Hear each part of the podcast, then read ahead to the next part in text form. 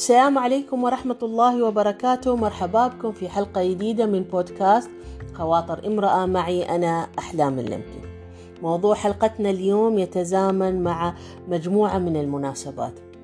من فترة كان يوم الطفل الإماراتي وبعدها كان اليوم السعادة الوطني واليوم بيكون يعني أيضا عندنا يوم الأم. حسيت هذه المناسبات يعني كلها مترابطة وأوحت لي حديث عنها في حلقة اليوم من البودكاست. في إحدى الحلقات الماضية تحدثت عن مسألة متعة التربية ولكن اليوم يمكن راح أتعامل مع هذا الموضوع أو أطرح جانب آخر من خلال ربط ما بين يوم الطفل يوم السعادة ويوم الأم. في حلقة واحدة وأقول أولا أنه في بداية هذه الحلقة نوجه كلمة شكر وتقدير وامتنان لكل الأمهات العظيمات اللي يبذلون قصارى جهدهم من أجل أبنائهم وأجل تنشئة جيل واعي قادر على تحمل المسؤولية. فهذه المهمة مهمة مو بسهلة تتطلب يعني سعة صدر كبير. ويمكن اليوم كانت عندي فعالية مع زميلتي كوتش سحر. كنا نتحدث عن التواصل ما بين الأبناء واللعب ودائما تتكرر وجهات نظر يعني إن الآباء يقارنون يعني الفترة اللي نحن تربينا عليها مختلفة عن الفترة الحالية وإن هذا الجيل مختلف عن جيلنا وما ينفع اللين معاهم أو غير ذلك.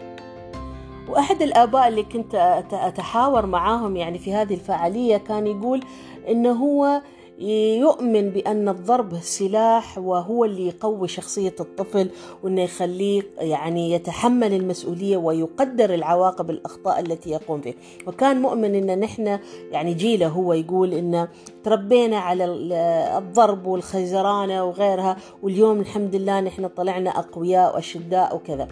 فهذه المسألة وهذه النظرة والمقارنة يعني أحس مش في محلها. عمره ما كان نعم هناك يعني رغبة في أنه لازم يكون في عقاب وعواقب للأخطاء التي يقع فيها الأبناء ولكن عمره ما كان الضرب هو السلاح الأساسي والناجع في أنه يخلي الطفل يترك الأفعال الخاطئة ويعود. لكن أثبتت الدراسات أن ممكن الطفل يلتزم مؤقتا نتيجة خوفه من الضرب ولكن من وراء الأهل ممكن يتجه إلى تكرار هذه السلوكيات ويمكن أن ممارسة الضرب والضرب المبرح قد تخلق شخصية يعني شخصية يمكن نقول إنها غير سوية نفسيا وممكن تنقل هذا السلوك في أسرتها لما تكبر لما يتزوجون الأبناء يمارسون نفس المنهج هذا مع أزواجهم وأولادهم فبالتالي من الضروري إن نحن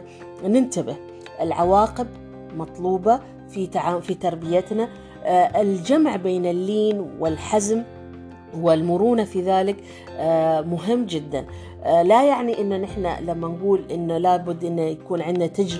تربية إيجابية إن نحن نترك أولادنا يسوون اللي يبونه ولكن لا نحن نخليهم يقومون بالمطلوب ولكن في حدود العواقب ويتحملون مسؤولية القرارات اللي هم راح يتخذونها. إذا رسالتي الأولى من خاطرتي اليوم هي موجهة للآباء والأمهات فيما يتعلق بتعاملهم مع أبنائهم. لابد إن نحن نطور من أساليب تربيتنا ونشوف شخصية أبنائنا ونشوف شو اللي يتناسب معاهم دائما المشكلة وين تصير لما يكون الآباء والأمهات عندهم تصور معين ومنهج معين ويبون يطبقونه وصورة معينة من التطلعات يتمنون أن الأولاد يوصلوا لها ويكونون مثاليين حسب ما هم يبون. هنا يصير في نوع من الخلاف و... وتصير نوع من المشاكل. فبالتالي لابد أن نحن نتفهم ظروف أبنائنا نتفهم اختلاف شخصياتهم ونتحا... ونحاول إنه نتحاور معهم ونستخدم معهم أسلوب الحوار والنقاش لأكثر من الأسلوب اللي هو فيه عقاب بدني من أجل يعني التوجيه والإصلاح.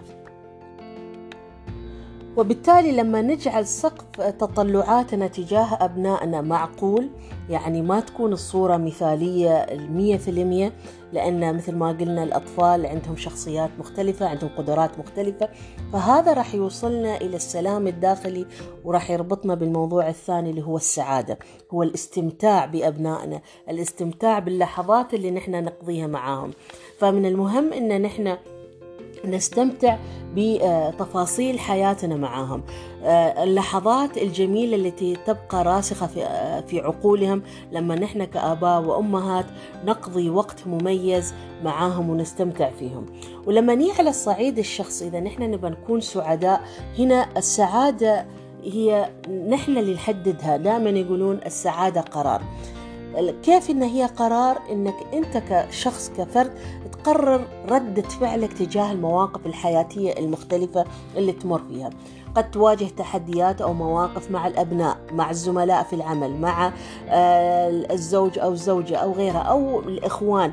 يعني ردة الفعل هل أنت من النوع اللي تب عندك طولة البال وتستحمل وتقف وترى وتقيم الموضوع ومن ثم آه، ترد بالطريقة المناسبة؟ هل أنت من النوع اللي يحاول يتفهم سبب مثلا تصرفات الآخرين ويحاول إنه يخلق لهم العذر؟ كل ما كنت أنت عندك هذا النوع من التحكم في ردود أفعالك تجاه المواقف المختلفة اللي تمر فيها كل ما كنت أنت قادر أكثر على الاستمتاع بتفاصيل حياتك وخاصة إنك أنت تحاول تركز على الأشياء الإيجابية. ما في حد اليوم حياته ما فيها تحديات بشكل أو بآخر لكن كم نحن نعطي اهتمام للتحديات مقابل الأشياء الجميلة اللي موجودة في حياتنا هو هذا عامل اللي يفرق من شخص إلى آخر. خلونا نحاول إذا نحن كنا نبغى نعيش حياة سعيدة إن نركز على الأشياء الجميلة. نركز على النعم اللي نحن الله سبحانه وتعالى وفرها لي ممكن مش متوفرة للآخرين. عملية الامتنان والتقدير وشكر الله على النعم مهما كان صغرها هذا هو سر السعادة الحقيقي من حسب ما أنا أرتئيه من تجربتي الحياتية. أحيانا أنا أشوف أشياء عند الآخرين مش موجودة عندي ولكن لما أدقق في تفاصيل حياتي أشوف أني أنا عندي أشياء أكثر بكثير وهم يفتقدونها. فبالتالي تقدير الذات والامتنان والشكر هي مفتاح السعادة. إذا هذه هي رسالتي الثانية من خلال حلقة اليوم. إن السعادة فعلا هي قرار بإيدنا. والسعادة كل واحد له يعني مفهوم السعادة نسبي يختلف من شخص إلى آخر.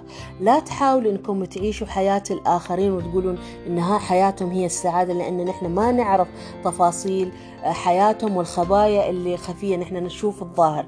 فبالتالي نحن بأيدينا نخلق السعادة اللي نحن نتمناها ونستمتع بتفاصيل حياتنا اليومية. وبما أن نحن اليوم أيضا قلت الحلقة تتزامن مع يوم الأم والأم يعني يومها طوال السنة جهودها وتقديرها والامتنان لتواجدها آه، يعني لا يكون بس في يوم واحد ولكن على مدار آه، السنوات.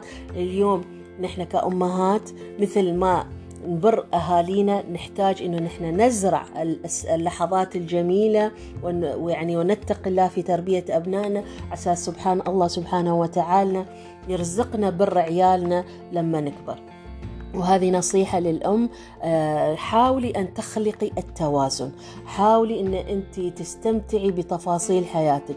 آه، لا تكوني يعني كل حياتك مكرسة لأبنائك وبعد فترة آه، تندمين إن أنت ما استمتعتي بأمورك الخاصة ولا أن العكس أن أنت تكونين آه، مهتمة فقط بتطوير ذاتك ونفسك وكذا ولا آه، يعني وتهملين أبنائك. التوازن في حياتنا جدا مهم. أخلقي هذا التوازن. إذا حسيتي بضغوط لا يمنع أن أنت تاخذين آه، استراحة محارب مثل ما يقولون آه، تختلين بأنفسك آه، نفسك تمارسين نشاط يعني أنت تستمتعين فيه علشان تقدرين تجددين نشاطك. حاولي تعطي لكل فرد في أسرتك المباشرة من زوجك وأبنائك وإخوانك ووالدينك حقهم في هذه العلاقة حتى تقدرين تعيشين حياة هنيئة وسعيدة بإذن الله. إذا هذه هي كانت حلقة اليوم من بودكاست خواطر. امرأة ما أدري إذا كنت وفقت في الطرح ولكن حسيت هذه هي الخواطر اللي جت في حلقة اليوم وحبيت أشارككم فيها وأترككم بحفظ الله وألتقيكم في الحلقة القادمة بإذن الله من بودكاست خواطر امرأة.